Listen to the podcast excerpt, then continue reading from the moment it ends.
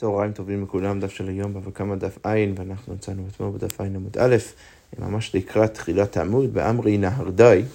ושוב רגע לפני שניכנס חזרה לתוך הלימוד שלנו, נקדיש את הלימוד לתפילה לכולנו, לעם ישראל, לכל חיילינו, שנשמע בשורות טובות בעזרת השם.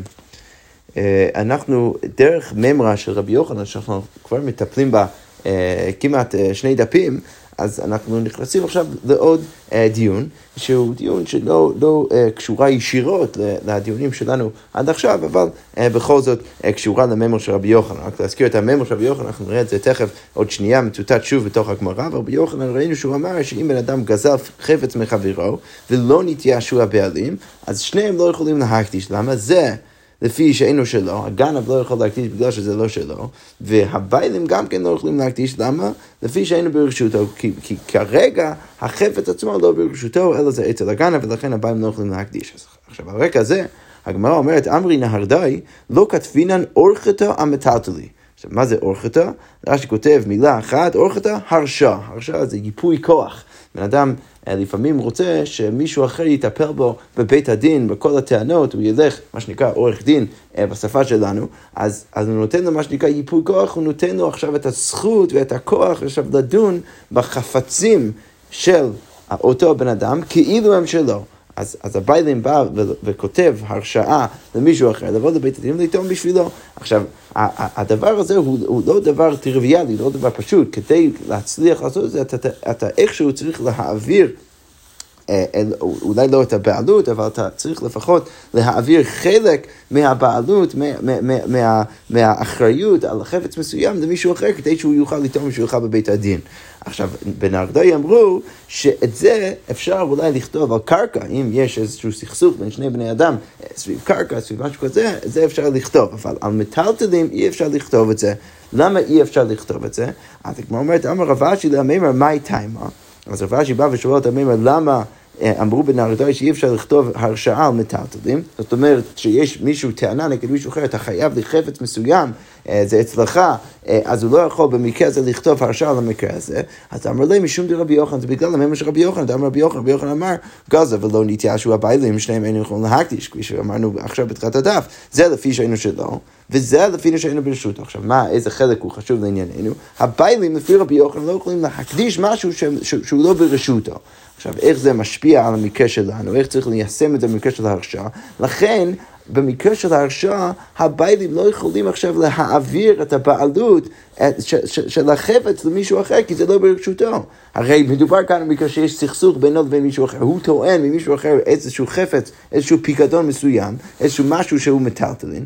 עכשיו, במקרה, בגלל שזה לא עכשיו נמצא אצלו, אז כפי הדין של רבי יוחנן, כמו שהוא לא יכול להקדיש, הוא גם כן לא יכול לכתוב על זה הוא לא יכול להעביר עכשיו את הטענת, אה, אה, את הזכות הטענה למישהו אחר. ולכן, אה, ולכן רבי יוחנן אנחנו לומדים את הדין של נרדאי שלא כתבינן אורחתא המלטת. יפה, כל זה הבא והריאציה הראשונה כמה. עכשיו לשנה בת, כמו אמרתי, קדם מאוד והריאציה אמרי נרדאי, אמרו בנרדאי לא כתבינן אורחתא מטלטלי דקפקא.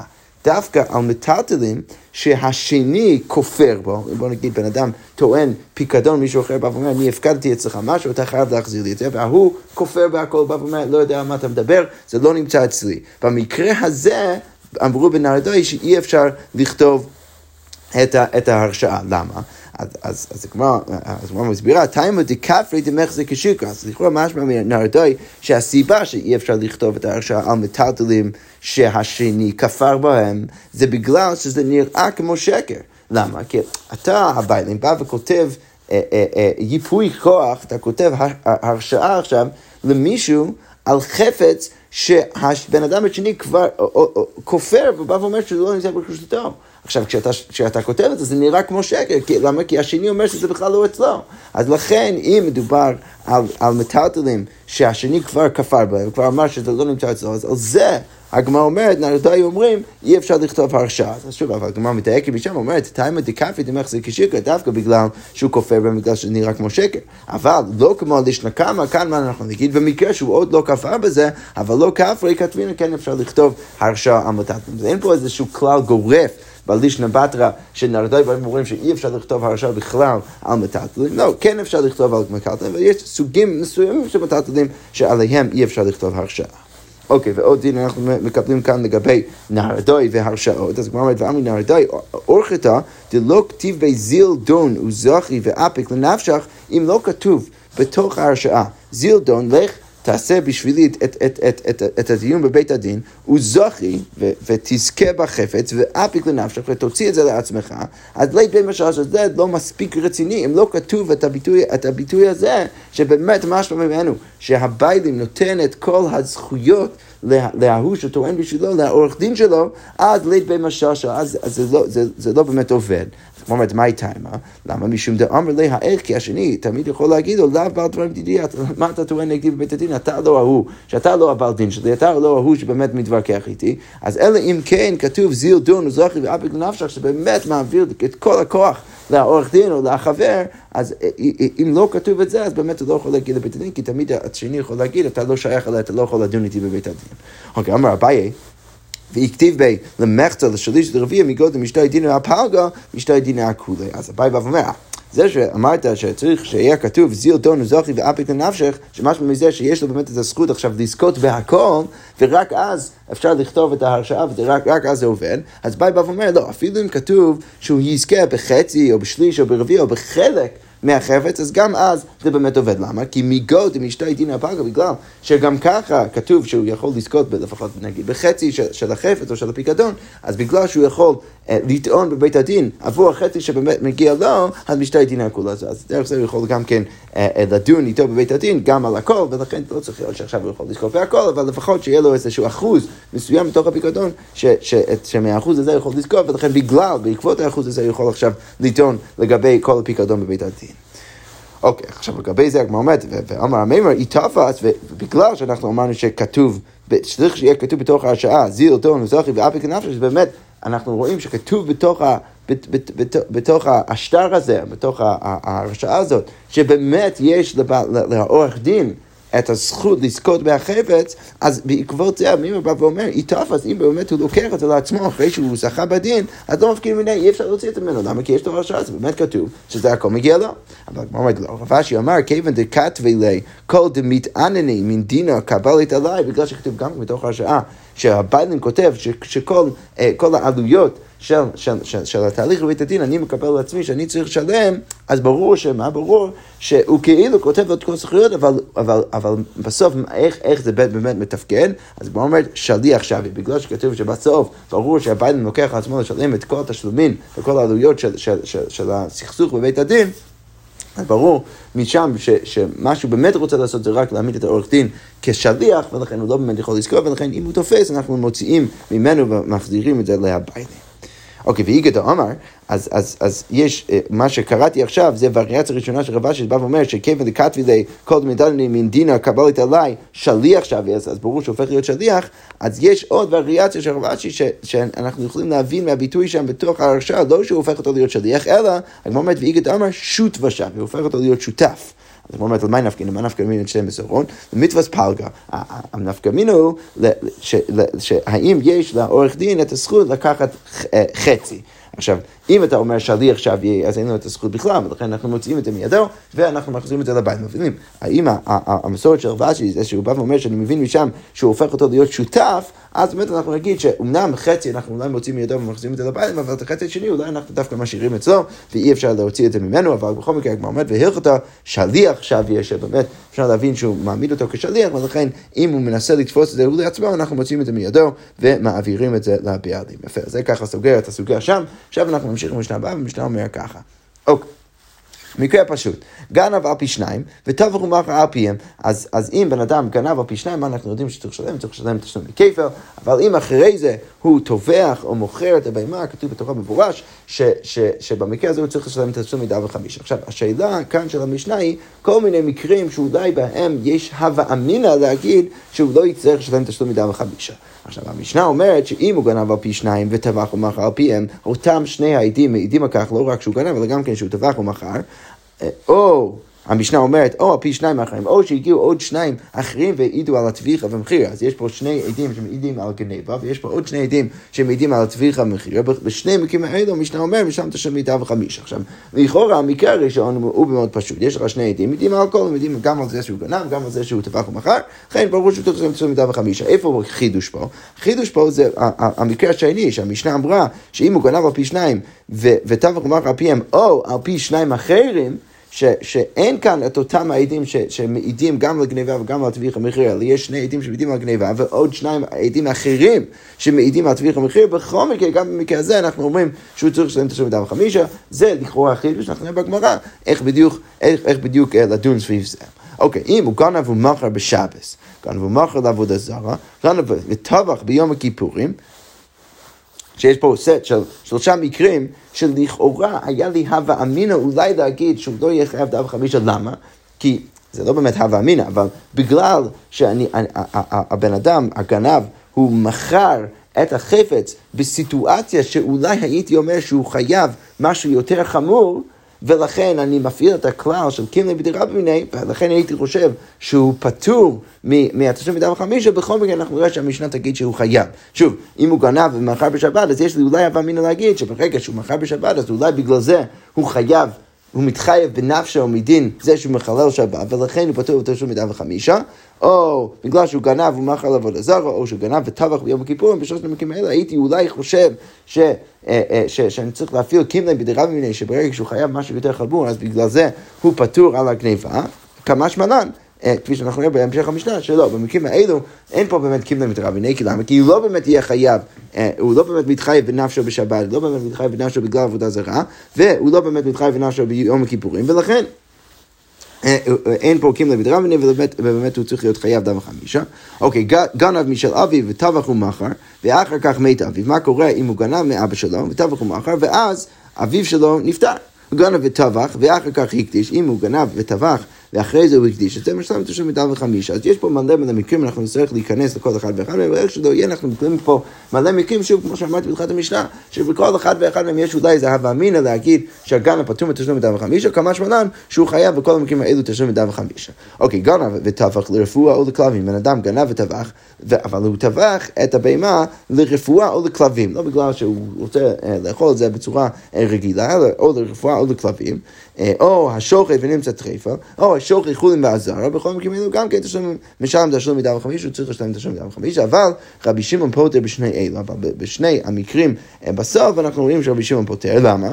כי לכאורה, כפי שאנחנו נראה, רבי שמעון בא ואומר שצריך שחיטה ראויה, ולכן אם בן אדם שחט בהמה ונמצאת טריפה, ואז הוא מצא שבהמה בכלל טריפה, או הוא שחט חולים באזהרה, אז אין פה שחיטה ראויה שבאמת מכשירה את הבהמה לאכילה, ולכן בשני מקרים האלו רבי שמעון באמת יפתור ויגיד שהכאן לא צריך לשלם את מידה וחמישה.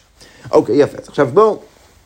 אה, ניכנס לתוך המשנה ונזכיר את המקרה הראשון שלנו במשנה, שאמרנו שאם יש שני עדים שמעידים על, על גניבה, ועוד שני עדים אחרים שמעידים על הטביח ומכירה, אז במקרה הזה, מה אנחנו אומרים? אנחנו אומרים שלמרות שיש פה שני קטעי עדים, ש, שאחד מהם מדבר, מעידה על הגניבה ואחד מעידה על הטביח ומכירה, בכל מקרה אנחנו אומרים שהוא חייב לשלם את השם וחמישה. אז כמו אומרת למה מתניתין שאמרה ככה, אתה לא כרבי עקיבא, לא סובר כמו רבי עקיבא. למה תהיה רבי עקיבא? כי רצינו להגיד כמו רבי עקיבא, אמר דבר ולא חצי דבר, הרי רבי עקיבא כבר אמר דבר ולא חצי דבר. רק במקרה שהעדים מעידים על כל העדות בכלל, רק אז אני מחייב. אבל אם יש לך אה, אה, עדים שמעידים רק על חצי דבר, רק על חצי מהסיטואציה, אז אנחנו לא מחייבים, אז אנחנו לא יכולים לחייב על פי העדות הזאת, ולכן כמו כן כאן אצלנו, אם יש לך עדים שמעידים רק על הגניבה ועדים שמעידים רק על הטביח במחיר, אז יש פה בעצם שני קטעי עדים שכל אחד מעיד על חצי עדות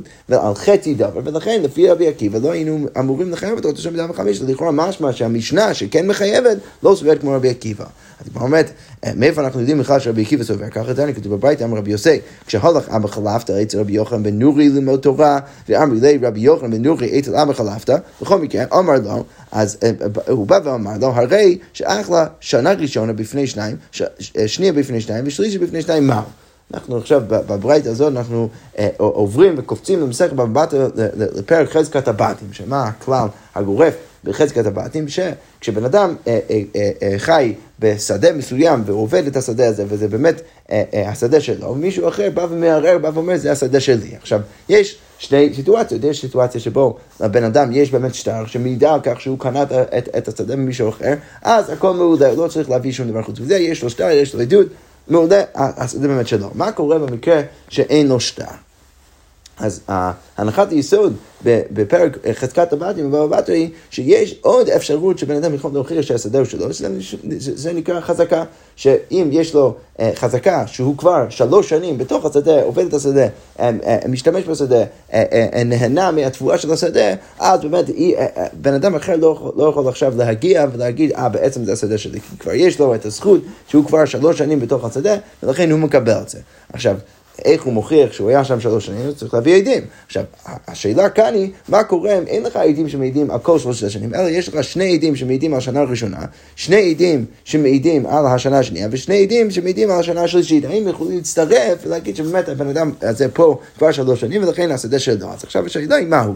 אז כמו אומרת, אמר לי, או אמר לא, אז רבי חלפתא אומר לרבי יוחנן בן נורי, או אה, שוב, תלוי במסורת, אם זה רבי חלפתא שעומד לרבי יוחנן בן נורי, או שרבי יוחנן בן נורי אומר לרבי חלפתא, לא משנה, אבל הוא בא ואומר לו, הרי זו חזקה, זה נחשב כחזקה, וזה מספיק, אנחנו מצרפים את העדים ביחד. אמר לא, אז בא וחוזר ואומר לו, אף אני אומר כן, אני באמת מסכים איתך, אלא שמה? אלא שרבי עקיבא חולק בדבר, רבי עקיבא חולק, למה שרבי עקיבא אומר, דבר ולא חצי דבר. ולכן, ברגע שיש לך שני עדים, כל אה, אה, סט, כל כת שהעדים הם מעידים רק על חצי דבר, או במקרה הזה על שליש דבר, כל אחד מעיד על שנה אחת, אני לא יכול לצרף אותם ביחד, זה לא עדות אחת, ולכן זה לא באמת יעבור. אז הגמרא אומרת, לכאורה צריך להגיד שהמשנה שלנו גם כן לא כמו רבי עקיבא. אז הגמרא אומרת, אמר אביי, אפילו אתם רבי עקיבא, אפשר להגיד שהמשנה שלנו זה רבי עקיבא, למה? מלמודי רבי עקיבא בשניים אומרים קידש, שניים אומרים פעל, רגע, מה קורה במקרה הבא? יש לך שני עדים שמעידים על כך ש... אישה היא מקודשת, יש לך עדי קידושין, יש לך עוד שני עדים שמעידים על כך שהיא זינתה, היא קיימה יחסי אישות עם מישהו אחר, כמו ליצלן. עכשיו, רבי בא ואומר, ברור שרבי עקיבא במקרה הזה יודע שהעדים שמעידים על הזנות לא צריכים להיות אותם העדים שמעידים על הקידושין. למה? למה שרבי עקיבא יגיד את זה? או למה שרבי עקיבא יודע במקרה הזה? כמו אומר דאף אגב, דעדי ביה צריכים לעדי קידושין, למרות שהעדי ביה צריכים עדי קידושין, למרות שבעצם כדי שהרלוונטיות של, או כדי שהעדות על, על הזנות תהיה רלוונטית, זה רק על ידי זה שאני כבר מניח מלכתחילה שהאישה הזו מקודשת. בכל מקרה, אני אומר שאני אקבל את העדות שלהם. אז, אז, אז שוב, אה, אה, אביי בא ואומר, דאף אגב דעדי ביה צריך לעדי קידושין, כיוון דעדי קידושין לא צריך לעדי ביה, בגלל שעדי קידושין לא צריכים לעדי ביה, דבר קרינה בי. אז אביי בא ואומר, בטח במקרה, במקרה הזה של שניים אומרים קידש ושניים אומרים בעל, אז, אז אני מקבל את העדות גם על הקידושין, וזה ודאי, וגם על הזנות. למה? כי למרות שהעדים של הזנות צריכים בעצם את העדי קידושין כדי שהעדות שלהם תהיה רלוונטית, בכל מקרה אני אומר שאני מקבל את זה, למה? כי אני בכל מקרה רואה שיש פה איזושהי הבחנה בין שני עדויות, למה? כי למרות שהעדי ביה צריכים את העדי קידושין, מצד שני, העדי קידושין לא צריכים את העדי ביה. העדות הזאת מתקיימת בפני עצמה. ולכן ברגע שאני רואה שהעדות הראשונה מתקיימת בפני עצמה, אז אני יכול גם כן לקבל את העדות השנייה אפילו בלי שהם אותם האנשים ש, ש, ש, שמעידים על הדבר הראשון. למה? כי, כי ברגע שהעדות הראשונה עומדת בפני עצמה, זה, זה כבר עובדה. לכן, כשאני בונה על גבי זה, אני לא צריך שזה יהיה אותם האנשים שמעידים גם על הקידוש וגם על הזנות, כי אה, באמת אפשר לקחת את, את, את העדות על הקידוש כעובדה עכשיו, ועל גבי זה אפשר לבנות גם כן את הטענה הבאה שהעדים באים ומעידים על הבעילה. אז הבית ואומר, ברור שרבי עקיבא יודע במקרה הזה. עכשיו, אם רבי עקיבא יודע במקרה הזה, אז הוא יודע גם במשנה שלנו, הלכה נמי גם במשנה שלנו, אף אגב דעדי טביחה צריך את העדי גניבה, למרות שעדי טביחה צריכים את העדי גניבה, ולכן הטביחה לא יהיה רלוונטית, אלא אם כן באמת זה בנוי על העובדה שאני כבר מניח שהוא גנב את זה. כיוון דעדי גניבה לא צריך את עדי טביחה, בגלל שעדי גניבה לא צריכים את עדי טביחה, כי, כי באמת, הם יכולים להעיד על גניבה, וזה לא צריך, אתה לא צריך עוד עדים שמעידים על כך ש, שהוא טבח את זה אחר כך, אז בגלל זה דבר קרינה בין, אנחנו קוראים לזה דבר. למה? זה בדיוק אותו דבר, ברגע שהעדים הראשונים מעידים על גניבה, בגלל שהם לא צריכים את העדי טביחה, אז זה באמת מייצר עובדה. עכשיו יש לי, יש לי עובדה, הוא גנב את החפץ. עכשיו לגבי זה אפשר לבנות עוד עדות ולהגיד שבאמת אה, הוא טבח את זה ולכן הוא יהיה חייב תשלום דם וחמישה, ואפילו רבי עקיבא יודע את זה כמו שהוא מודה במקרה של, ה, של הקידושין. עכשיו, ברור שזה מאוד שונה מהמקרה של בבא בתרא, למה במקרה של בבא בתרא כל אחת מהעדויות בעצם לא, לא עומדת בפני עצמה, כי אתה צריך את שלושתם כדי באמת שיהיה דבר רלוונטי. רק על ידי שלושתם יש לך שלוש שנים של, של חזקה, שבן אדם יסיים בסדר, ורק אחר כך אתה יכול להגיד שבאמת עכשיו הסדר נחשב כלא, כשלא. אבל, אבל אילולא אחד מה, מה, מהכתות, אז, אז, אז כל שאר העדויות לא באמת רלוונטיות, ולכן שם רבי עקיבא יגיד מה שהוא אומר, אבל אצלנו רבי עקיבא באמת יודע. אוקיי, אז עכשיו אם כבר אנחנו בתוך השאלה של דבר, אז איך, אז, אז ראינו שרבי עקיבא בא ואומר שדבר ולא חצי דבר, והוא דורש את זה לגבי מקרה של חזקת הבת. אז כמו אומרת, ורבנן, היי דבר ולא חצי דבר למעוטי מים, מה זה בעל למעט? הדרשה הזאת שצריך להיות דבר ולא חצי דבר, מה זה בעל למעט לרבנן? מתי זה לא יעבוד? אז כמו אומרת, למעוטי אחד אומר איך בגבה, אחד אומר איך בקרייסה. יש פה שני אנשים שמנסים להעיד על שני שערות אצל, אצל אישה שבאמת הופך אותה להיות בוגרת. אז אז הגמרא אומרת שמה הדבר ולא חצי דבר בעל זה בעל למעט מקרה שבו אחד מהם מעיד על שערה אחת בגב שלה, ואחד מהם מעיד על שערה אחת בבטן שלה. עכשיו, במקרה הזה העדויות לא מסתפרות, למה? כי כל אחד אומר חצי דבר, כל אחד מעיד רק על, אה, אה, על שערה אחת, ולכן אי אפשר לצרף אותם ביחד ולהגיד שעכשיו יש פה עדות שלמה. אז הגמרא אומרת, רגע, לא, זה פשוט, היי, חצי דבר וחצי עדות, זה לא רק חצי דבר, זה לא רק חצי דבר, זה גם כן חצי עדות, כי אתה בעצם לקחת בן אדם אחד, שהוא לא... אה, אה, זה, זה לא עדות שלמה, צריך שני עדים תמיד. אז תיקח הבן אדם אחד, שזה חצי עדות, והוא גם כן מעיד על חצי דבר. אז, אז ברור שאת זה אנחנו לא צריכים למעט מהפסוק, זה ברור שזה בכלל לא עדות. אלא אנחנו צריכים עוד מקרה שבאמת, לפחות היה לי אהבה אמינא להגיד שאולי זה עובד, כמה שמלן שזה לא עובד. אז כבר מתאר למהות זה בא למעט למקרה הבא. שניים אומרים יחד בגבה, שניים אומרים יחד בקרייסה, שעכשיו יש באמת עדות שלמה על חצי דבר, ועדות שלמה על חצי דבר. אז במקרה הזה... באמת אנחנו אומרים שזה לא עובד, למה? כי הני אמרי קטני, והני אמרי קטני, כי כל אחד מהם באמת אומר, מה הוא כל אחד אומר? כל אחד מעיד על... כל, כל כיתה של עדים מעידה על מה? על שערה אחת. אז בעצם מה כל אחד אומר? אז, אז שני העדים האלו אומרים היא קטנה, כי באמת הם לא מעידים על שני שערות, הם מעידים רק על שערה אחת. אז הם אומרים שהיא קטנה, והם אומרים שהיא קטנה. אי אפשר לצרף את זה ביחד ולהגיד שעכשיו היא גדולה, וזה לא באמת עובד ככה. ובמקרה הזה אנחנו באים למעט. אוקיי, עכשיו אנחנו נכנסים קצת לדיון הבא שראינו בתוך המשנה. אז ראינו שאם בן אדם גנב ומכר בשבס, אז במקרה הזה הוא חייב את השם דם וחמיש. עכשיו, אני אמרתי במשנה שיש אולי איזה הווה אמינא, זה, זה, זה נכנס בתוך השדה של קימלי בדירה אמינא. אז בואו רק אה, אה, נבהיר, נביא קצת רקע כדי להבין מה, מה, מה, זה בכלל אומר, אה, אה, מה זה בכלל אומר. אנחנו יודעים שיש כלל כזה קימלי בדירה אמינא. כשבן אדם חייב משהו אה, על שני דברים, תשלומי ממון ועוד משהו שהוא יותר חמור, בוא נגיד, אה, הוא חייב מיתה. ואם הוא יתחייב על שני הדברים האלה בבת אחת, אז אני תמיד אומר, קימלי בדירה מיניהם, אני מחייב אותו בדבר שיותר חמור, ואני לא מחייב אותו על הדבר הפחות חמור.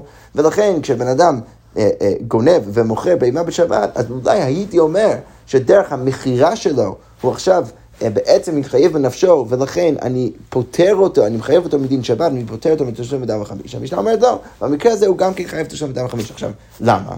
הסיבה מאוד פשוט, כי אין איסור דאורייתא למכור משהו בשבת. אז ברגע שהוא מכר משהו בשבת, מאוד יפה שהוא עושה את זה בשבת, אבל אין בודקים לב אני לא התחייב בנפשו, ולכן אה, אני מחייב אותו גם כן תשלום בדם וחמיש. זה פשוט.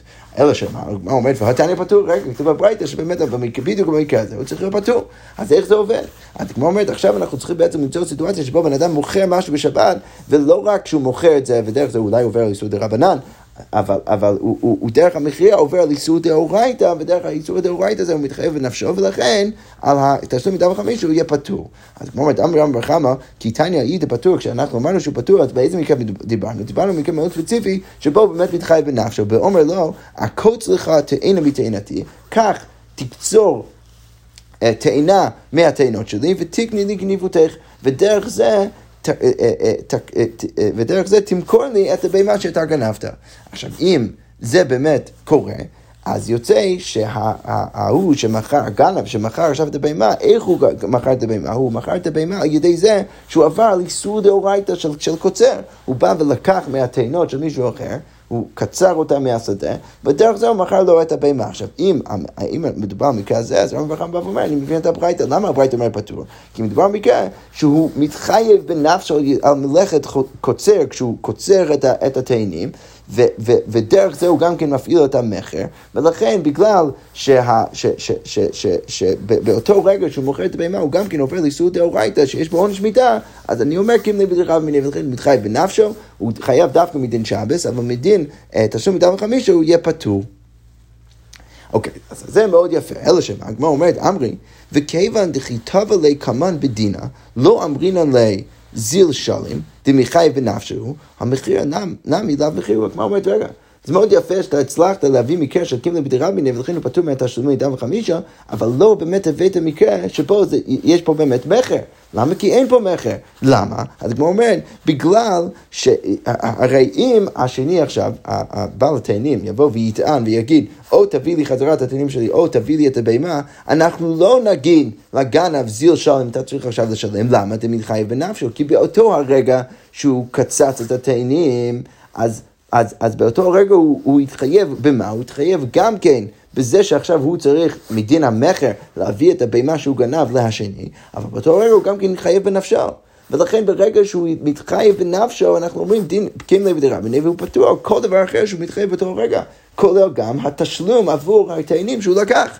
ולכן, בגלל שהוא מתחייב בנפשו, אז אנחנו לא נגיד לו זיל שלם, אנחנו לא נגיד לו שהוא עכשיו צריך ללכת ולשלם, ולכן מה יוצא? שאין פה מכר בכלל. כי, כי, כי הוא באמת לקח את העניינים, אנחנו לא עכשיו מחייבים אותו עכשיו לשלם חזרה מדין המכר מה שהוא היה אמור להביא. אז כמו אומרת מאוד יפה, מצאתם מקרה של קימלי ותירה מיני, אבל זה, לא, זה בכלל לא מכר. עכשיו, יש פה חידוש מאוד גדול, שכשהוא התחייב בנפשו, לא רק שהוא פטר את עצמו מהקנס של תושב מידה וחמישה, אלא הוא אפילו פטר את עצמו מהדבר בתוך המכר שהוא היה צריך להביא. אז כמו אומרת, ובעקבות זה זה בכלל לא מכר. אז אנחנו צריכים בעצם פתרון אחר. למה הברייתא תגיד שבמקרה הזה הוא יהיה פטור מתושב מידה וחמישה? אז כמו אלא אמר פאפה, צריך להגיד, ואומר לא, זרוק גנובתך לחצריה, תזרוק מרשות הרבים לרשות היחיד את, הבהמה מתוך רשות הרב, מתוך החצר שלי, שזה רשות היחיד, ותקני לגנובתך, ודרך זה אני אקנה את זה. עכשיו, לכן במקרה הזה. אז, אז, אז הגנב מתחייב בנפשו על מלאכת הוצאה, כאן מלאכת הכנסה, שהוא מכניס את הבהמה מרשות הרבים לרשות היחיד, ובגלל שהוא מתחייב בנפשו באותו רגע של הקניין, אז אנחנו פותרים אותו בתור וחמישה, זה מסביר את השיטה של הברייתא. אז כמו אומרת, כמען, כמו מי זה הולך, לפי התירוץ הזה של רב פאפה, אז כמו אומרת רבי עקיבא צריך להגיד שזה כמו מי עקיבא. דאמר קלותא כמי שהוא חדם, רבי עקיבא בא ואומר שברגע שהבהמה נכנסת לתוך האוויר של רשות היחיד, למרות שהיא עוד לא נחתה על הקרקע, בכל מקרה אני אומר שזה כמי שהוא חדמיה, ובאותו רגע זה נחשב כאילו היא כבר נחתה. עכשיו, למה צריך להגיד שרב פאפה דווקא על דיבר רבי עקיבא? כי כפי שאנחנו הסברנו למעלה, קימלם דרבנין צריך להיות רק במקרה שהחיוב של שני הדברים האלה בא ביחד באותו הרגע. עכשיו, אם אני, אה, אה, אז הגמרא מסבירה, תהי כרבנן, כי אם אמרתי כמו רבנן ולא כמו רבי עקיבא, שרבי עקיבא אמר כמי שהונחה דמיה, כלותו כמי שהונחה דמיה, ואם אנחנו היינו אומרים כמו, רבנן, אז זה לא היה עובד, למה? כיוון דמדיה לחצר ביתו ברגע שהבהמה נכנסה לתוך האוויר של רשות היחיד, לתוך החצר, אז כבר בעל החצר קנה. אבל לעניין שבס לא מחייב אדמתי לאר, אבל לעניין שבס אנחנו יודעים שבן אדם עובר על איסור ההוצאה רק ברגע שזה נוחת גם כן ברשות השני. אתה צריך הקירה והנוחה. עכשיו, בגלל שזה עוד באוויר, וכבר הבית קנה את זה עוד לפני שהוא התחייב בדין שבס, אז לא היינו מפעילים קימלי בדרבנין, היינו אומרים שמרגע שזה עבר, אז מכרת את זה, אז עכשיו התחייבת בתשלום דם וחמישה, ואתה חייב בדין שבס רק במקרה שזה נוחת. אז בטח, כמו אומר, צריך להגיד שרב פאפה סובר כמו רבי עקיבא, שלפי רבי עקיבא, ברגע שנכנס לתוך רשות החצר, אז לא רק שבאותו רגע הקניין עבר, אלא גם כן באותו רגע הוא התחייב בשבס, ולכן אני יכול להבין למה דרמין, למה הוא פטור מדין התשלום מדם וחמישה. אז כמו אומרת, לא, זה לא בהכרח נכון, כי אתה יכול להגיד שמדובר בקשר מה, באומר לא תקני לגנובתך עד שתנוח. אה, כי הוא אומר, אני לא אקנה את זה עד שזה נח על הקרקע. ובאמת במקרה הזה, אז באמת אנחנו נגיד שהוא פטור מתשלום דם וחמישה, למה? כי הוא באמת אומר שברגע שזה מגיע לאוויר רשות אני לא רוצה לקנות את זה, אני רוצה לקנות את זה רק ברגע שזה נוחת. ולכן ברגע שזה נוחת אני קונה, באותו רגע הוא גם כן נלחם ודין שבס, ולכן באמת אפשר להפעיל כלים דרמיני אפילו אליבא דחכמים, ולא רק אליבא דרבי עקיבא. אוקיי, אז עכשיו, יפה, אז מצינו בעצם שני תירוצים. תירוץ ראשון של רבי בר חמא, שעל זה אנחנו הקשינו, אמרנו, רגע, זה לא באמת מכר, ומצינו גם כן את התירוץ של רב פאבה. אז עכשיו הגמרא אומרת, רב אמר לו, אולם כמו בר חמא, לא באמת אפשר להגיד כן כמו רבי בר חמא. למה, מה אפשר להגיד?